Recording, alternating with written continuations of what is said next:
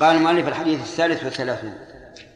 عن ابن عباس رضي الله عنهما أن رسول الله صلى الله عليه وعلى آله وسلم قال لو يعطى الناس بدعواهم لادعى رجال أموال قوم ودماءهم ولكن البينة على المدعي واليمين على من أنكر. حديث حسن رواه البيهقي وغيره هكذا وبعضهم في الصحيحين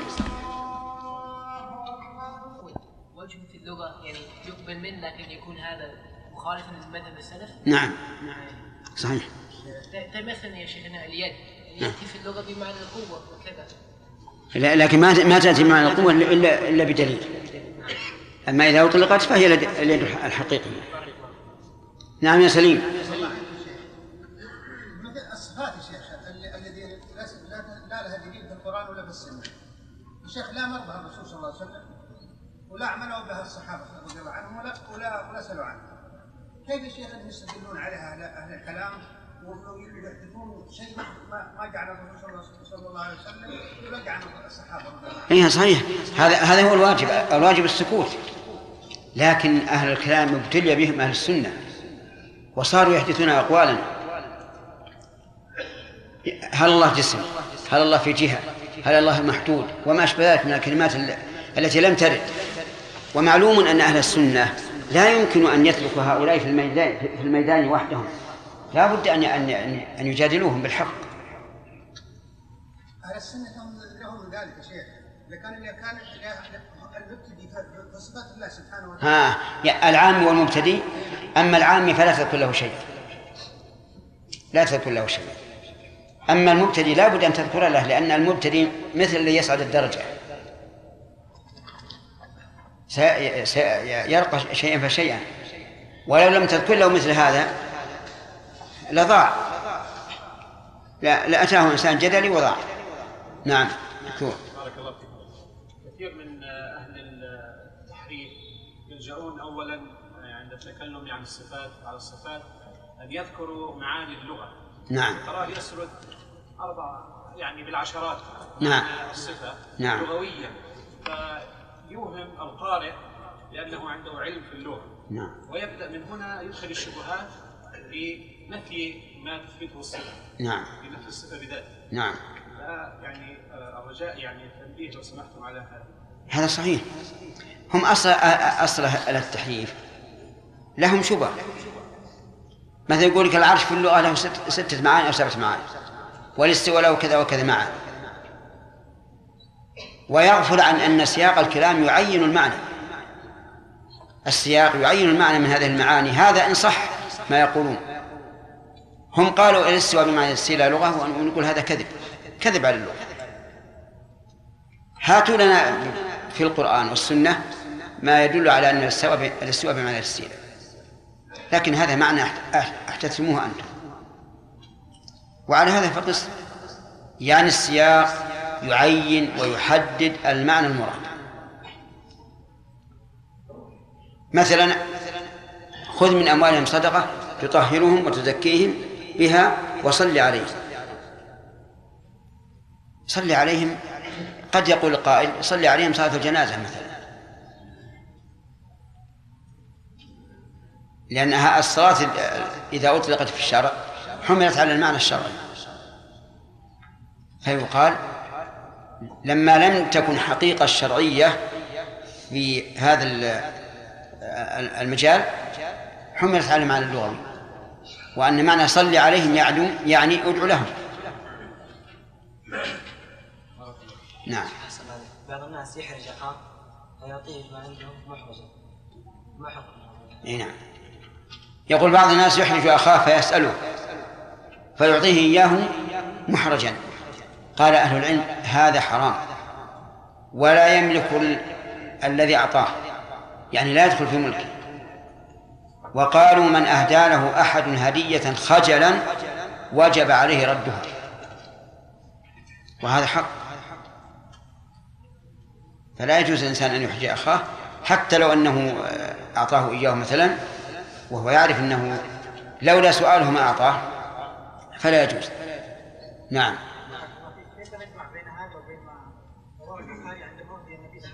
إيش؟ بين هذا وبين وبين؟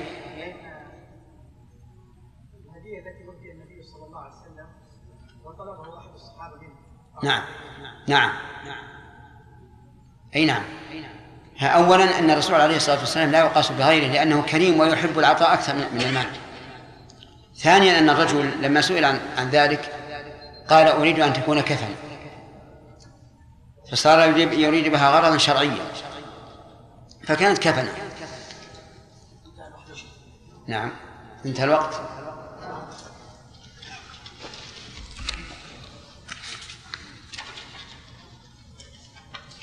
ثم أن ذكرنا مسألة مسألة السؤال إذا علمنا أن المسؤول يرغب هذا الشيء ويفرح به لكن يستحي أن أن يهدي عليه.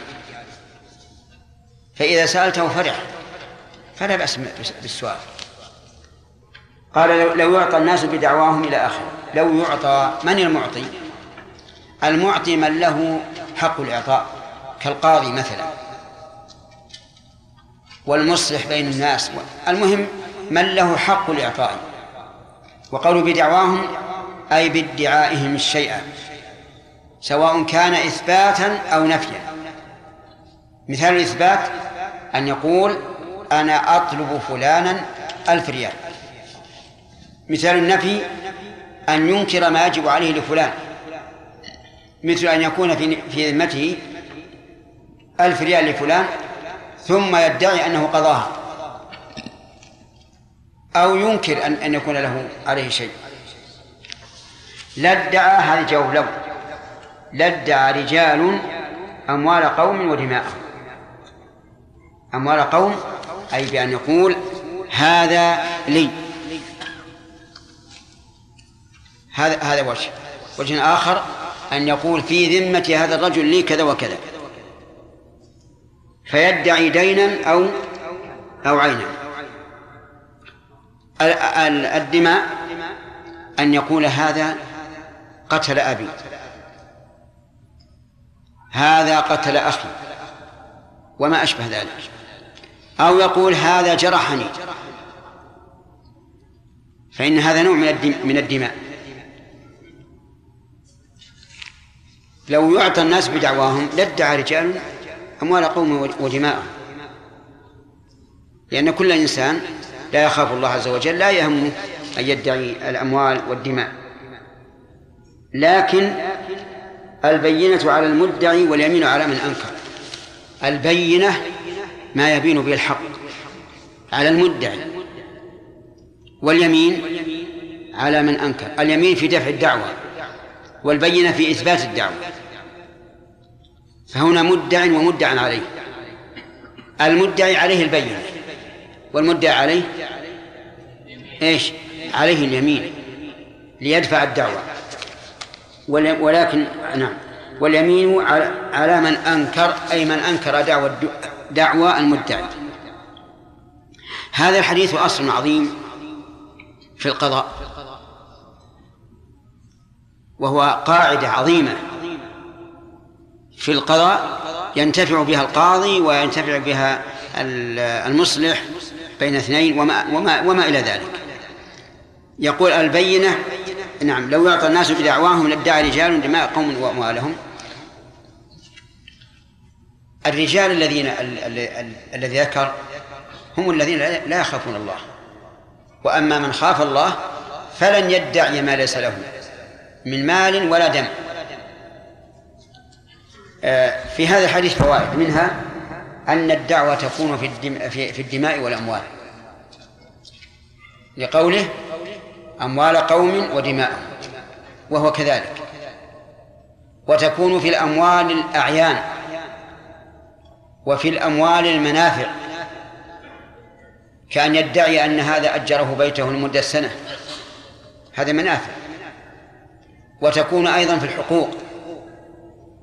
كأن يدعي الرجل أن زوجته لا تقوم بحقه أو بالعكس. المهم أن الدعاوي بابها واسع لكن هذا الضابط.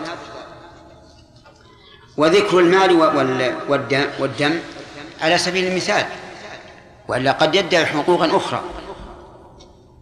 من فوائد هذا الحديث حماية أموال الناس ودمائهم.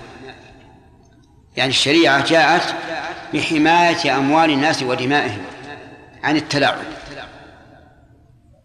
ومن فائدة هذا الحديث أن البينة على المدعى. فما هي البينة؟ البينة أنواع منها الشهادة. قال الله تعالى واستشهدوا شهيدين من رجالكم فإن لم يكونا رجلين فرجل وامرأتان ممن ترضون من الشهداء. هذه واحدة. البينة ظاهر الحال. ظاهر الحال. فإنها بينة.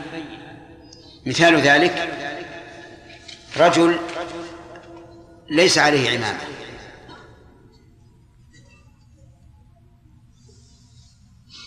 يلحق رجلا عليه عمامة وبيده عمامة ويقول يا فلان أعطني عمامتي. الآن الرجل الذي ليس عليه عمامة معه ظاهر ظاهر الحال لأن الملحوق عليه عمامة وهي عمامته وبيده عمامة. ولم تجد العادة بأن الإنسان يحمل عمامة معه وعلى رأسه عمامة.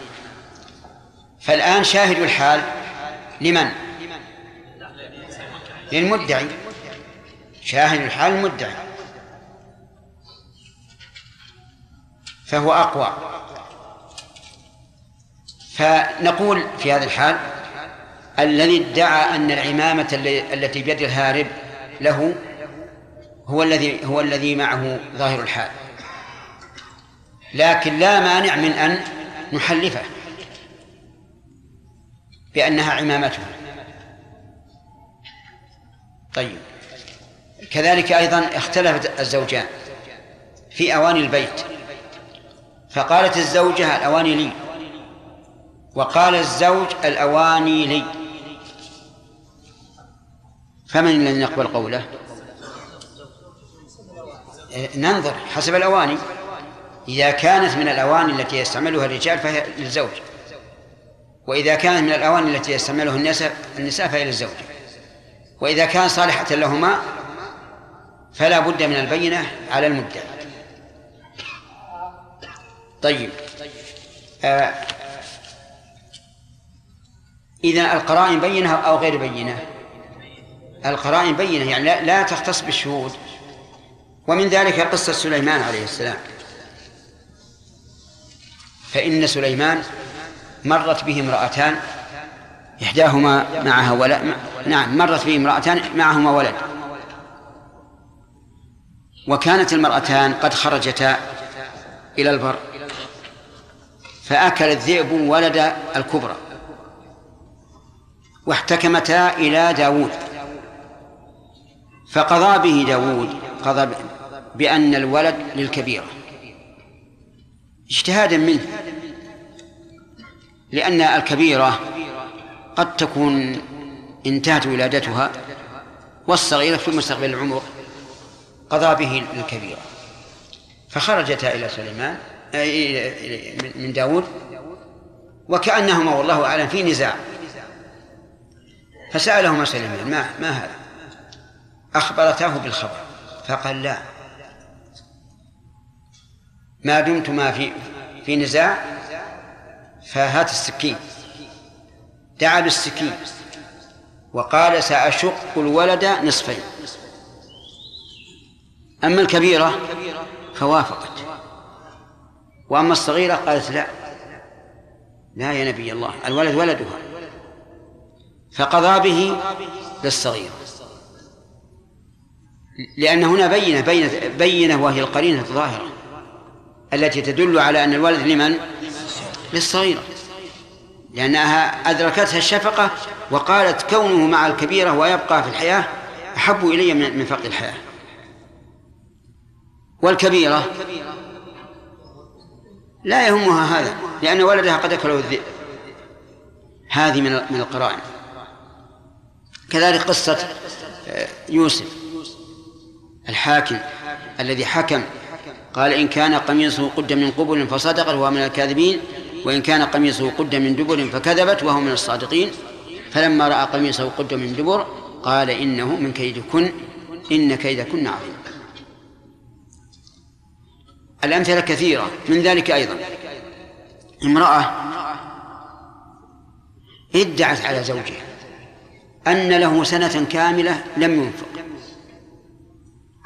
والرجل يشاهد يأتي للبيت بالخبز والطعام. وكل ما يحتاجه البيت. وليس في البيت إلا إلا هو وامرأته.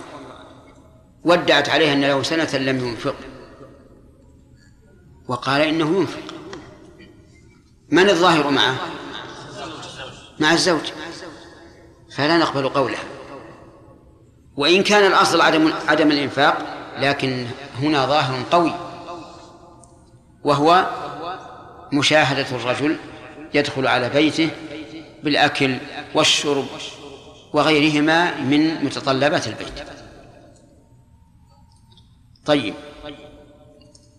في القسامة القسامة أن يدعي قوم قتل لهم قتيل بأن القبيلة الفلانية قتلته. وبين بين القبيلتين عداوة. ادعت التي لها القتيل أن هذه القبيلة أن هذه القبيلة قتلت صاحبهم والقاتل فلان. عينته فهنا مدعي ومدعى عليه. من المدعي؟ أولياء المقتول. والمدعى عليه القبيلة الثانية. إذا قلنا البينة على المدعي واليمين على من أنكر وقلنا البينة ليست الشاهد بل ما أبان الحق صار اختلف الحكم. ولو قلنا أن البينة الشاهد لقلنا للمدعين هاتوا بينة على أن فلانا قتله وإلا فلا شيء لكم. لكن السنة جاءت على خلاف هذا. جاءت بأن المدعين يحلفون على هذا الرجل أنه قتل صاحبه يحلفون خمسين يمينا بأنه قتل صاحبه فإذا حلفوا فهو كالشهود تماما. يأخذون برمته ويقتلونه هذه وقعت في عهد النبي صلى الله عليه وعلى آله وسلم وقضى بها هكذا. على أنه إذا حلف خمسون رجلا من من أولياء المقتول فإنهم يستحقون قتل المدعى عليه. وهذا هو الحق. وإن كان بعض السلف والخلف أنكر هذا وقال كيف يحكم لهم بأيمانهم وهم مدعون فيقال السنة هنا مطابقة تماما للواقع لأن مع. لأن مع المدعين قرينة تدل على أنهم قتلوا صاحبهم وهي العداوة فهذا القتيل رؤيا عند القبيلة الأخرى المدعى, المدعى عليها مقتولا. والعداوة ظاهرة.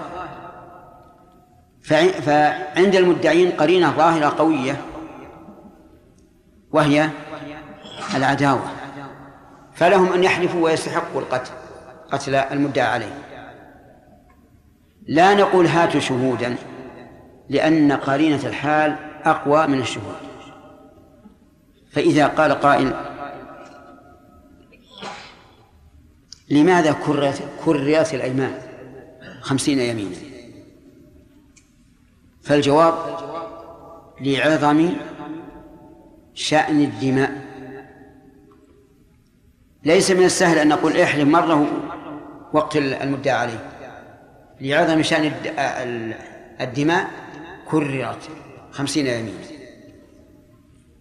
فإن قال قائل كيف يحلف أولياء المقتول على شخص معين وهم لا يدرون عنه؟ فالجواب أننا لا نسلم أنهم لا يدرون عنه. ربما يكون ربما يكونون شاهدوه وهو يقتل صاحبه. وإذا سلمنا جدلا أو حقيقة أنهم لم يشاهدوه فلهم أن يحلفوا عليه بناء على غلبة الظن. والحلف بناء على على غلبة الظن جائز. فيحلفون بناء على غلبة الظن. وتتم الدعوة. ولذلك القسامة قال بعض العلماء إنها تخالف القياس من ثلاثة أوجه. الوجه الأول أن الأيمان صارت في جانب المدعين والأصل أن اليمين في جانب المنكر. وثانيا أنها كررت إلى خمسين يمينا. وثالثا أن أولياء المقتول يحلفون على شخص قد لا, لا يكون قد لا يكونون شاهدوا قتله وعرفتم الإجابة على هذا. عرفتم الجواب عن هذا. وأن القسامة مطابقة تماما للقواعد الشرعية. طيب. ولكن نعم. ولكن اليمين على ولكن البين على المدعي واليمين على من أنكر. فأقول لكم هذا أصل عظيم يحتاج إليه من؟ القضاة. وكذلك المصلحون عند التشاحن يحتاج إليه. فيبين الحكم. الأسئلة. نعم.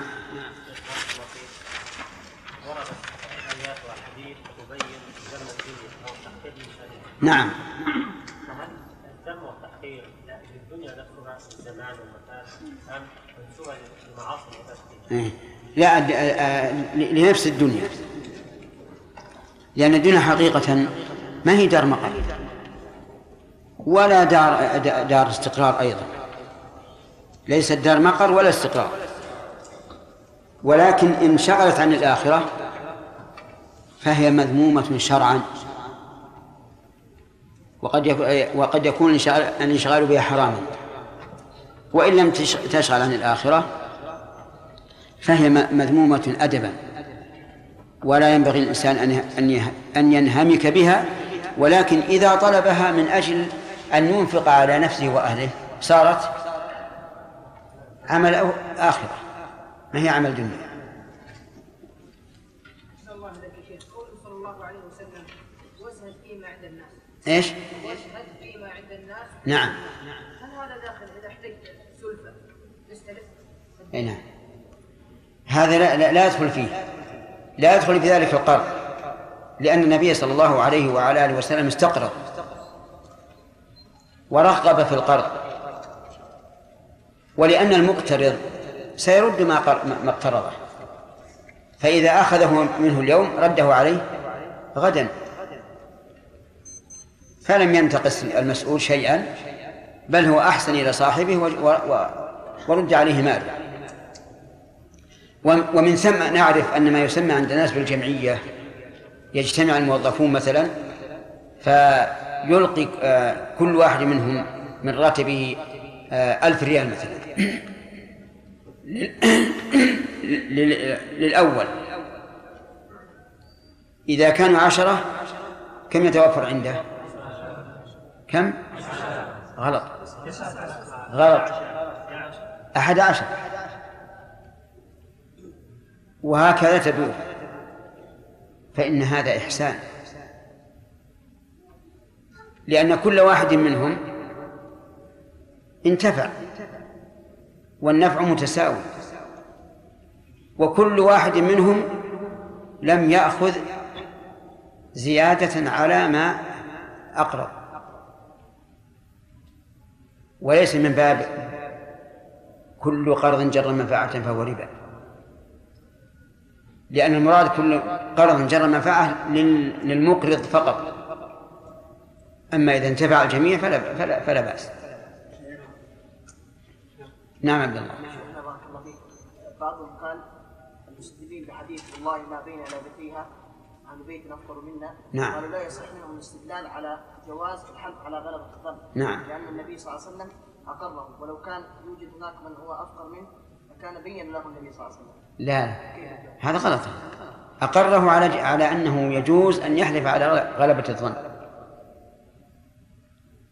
والنبي صلى الله عليه وسلم أحيانا يخبر بناء على غلبة ظنه ألم يقل له ذو اليدين أنسيت أن قصرت الصلاة؟ ماذا قال؟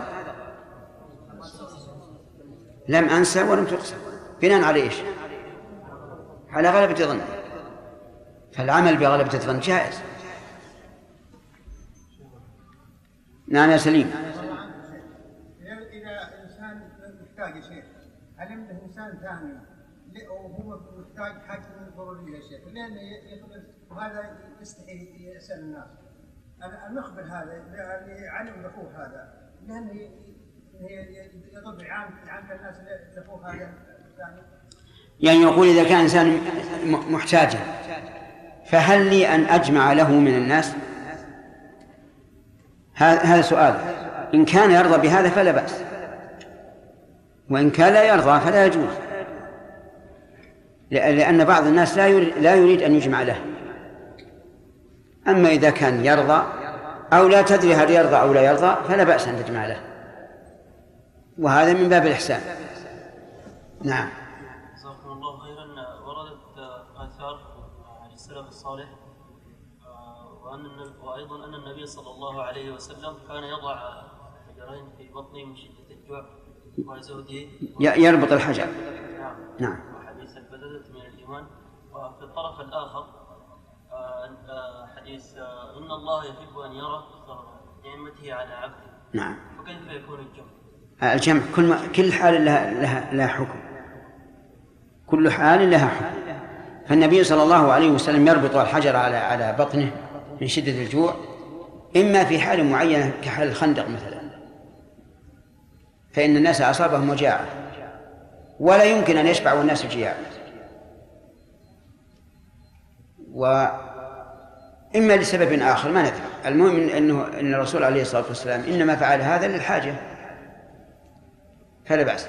البذاذة من الإيمان أيضا ليس معناه أن الإنسان ينبغي له أن يكون دائما خشن وغير معتن بنفسه إلا إذا كان لو أحسن نفسه ولبس الثياب الجديدة وما انكسرت قلوب الآخرين.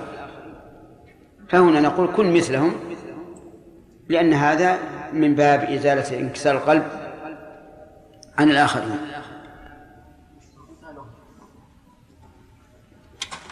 نعم. قوله تعالى يضار كاتب ولا شهيد. ولا, ولا يضار كاتب ولا شهيد. صحيح. نعم. نعم. ولا تمسكوهن ضرارا لتعتدوا. ولا تمسكوهن ضرارا لتعتدوا. طيب. واللام هنا لتعتدوا للعاقبة وليست للتعليل. يعني أنكم إن فعلتم ذلك فهذا عدوان. طيب. وكذلك الوصية. غير مضار. وعدة أحكام. طيب فإن حصل الضرر أحمد فهل تجب إزالته أو لا تجب؟ تجب إزالته. إيه نعم. طيب أرأيت يا عبد الله بن فضل رجل له شجرة إلى إلى جنب جدار جاره وتدلت أغصانها على جاره فهل يلزم صاحبها أن يزيل هذه الأغصان؟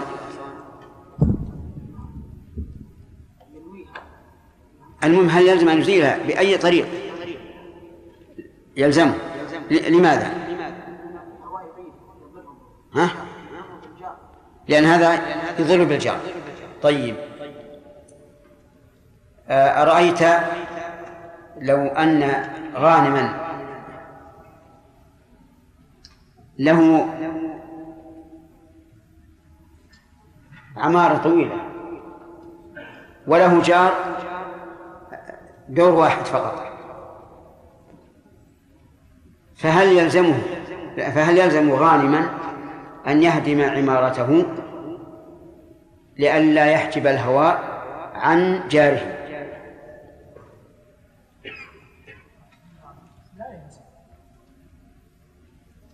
كيف لا يلزم؟ هذا حجب عني الهواء حجب عني الشمس.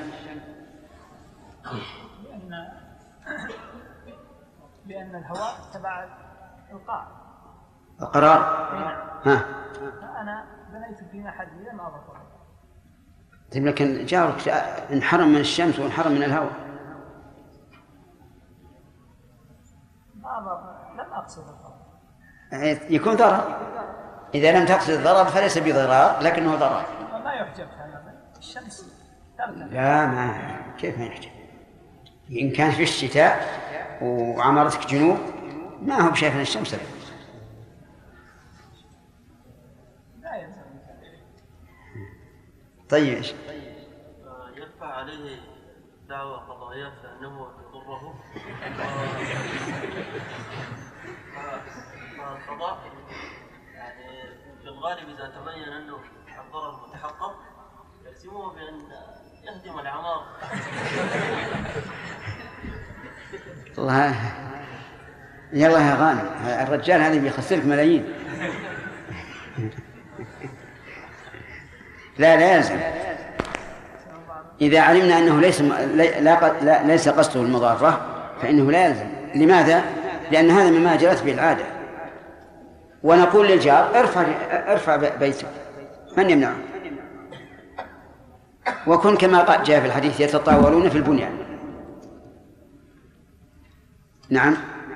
نعم. إياك أن تكون قاضيا. ها؟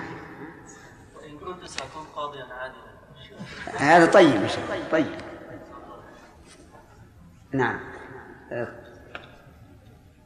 قوله لو يعطى الناس بدعواهم إلى آخره. مثال الدعوة.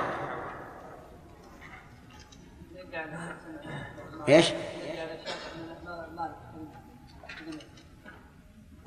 يدعي شخص يعني يدعي أن له على شخص دينا. ها؟ ماذا نقول؟ نقول هذه البينة على دعواك وإلا فلا شيء لك. طيب ماذا ماذا نصنع بالمدعى عليه؟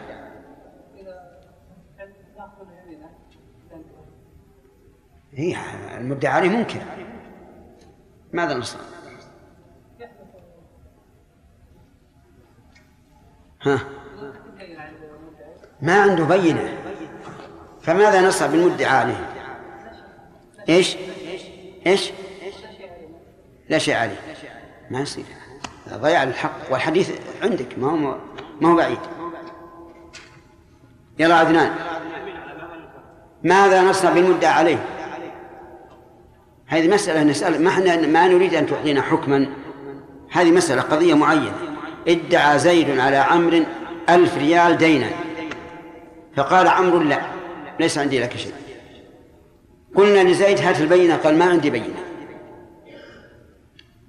ها؟ يا أخي طبقوا ال- ال- الحديث طبقوا الحديث. نعم. إيش؟ غلط. جمعة. من نحلف نقول لعامر. احلف. احلف أنه ليس لزيد عليك شيء. كذا؟ طيب. هذا الصحيح. إذا أبى أن يحلف قال ما أحلف. أما يجيب بينه ويأخذ حقه وإلا ما أحلف. يغرم ها؟ يعطى يغرم اللي ادعى عليه. يعني يقضى عليه بالنكول. يقضى عليه بالنكول. إذا أبى أن يحلف قلنا إذن سلم المدعى به. لأنه لأنه لا يضرك إذا كنت صادقا أن تحلف. ونكولك عن اليمين يدل على أن صاحبك الذي ادعى عليك صا- صادق. واضح؟ طيب. هل نرد اليمين على المدعي؟ بمعنى أنه إذا نكل المدعى عليه قلنا للمدعي احلف. ما نرد. لأن النبي صلى الله عليه وعلى آله وسلم البين على المدعي واليمين على من؟ على من أنكر وانتهت القضية.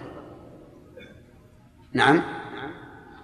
وقال بعض أهل العلم إذا رأى القاضي أن يرد اليمين على المدعي فله ذلك. لأن إنكار لأن امتناع المدعى عليه عن اليمين قد يكون تورعا فترد اليمين على المدعي ويقال لا يضرك إذا كنت صادقا في الدعوة أن تحلف. على كل حال هذا الحديث ذكرنا لكم أمس أنه قاعدة من قواعد القضاء وله فروع كثيرة ذكرها ابن رجب رحمه الله في شرح الكتاب.